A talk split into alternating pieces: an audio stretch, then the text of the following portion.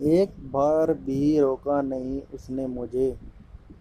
शायद उसको मेरे जाने का ही इंतज़ार था।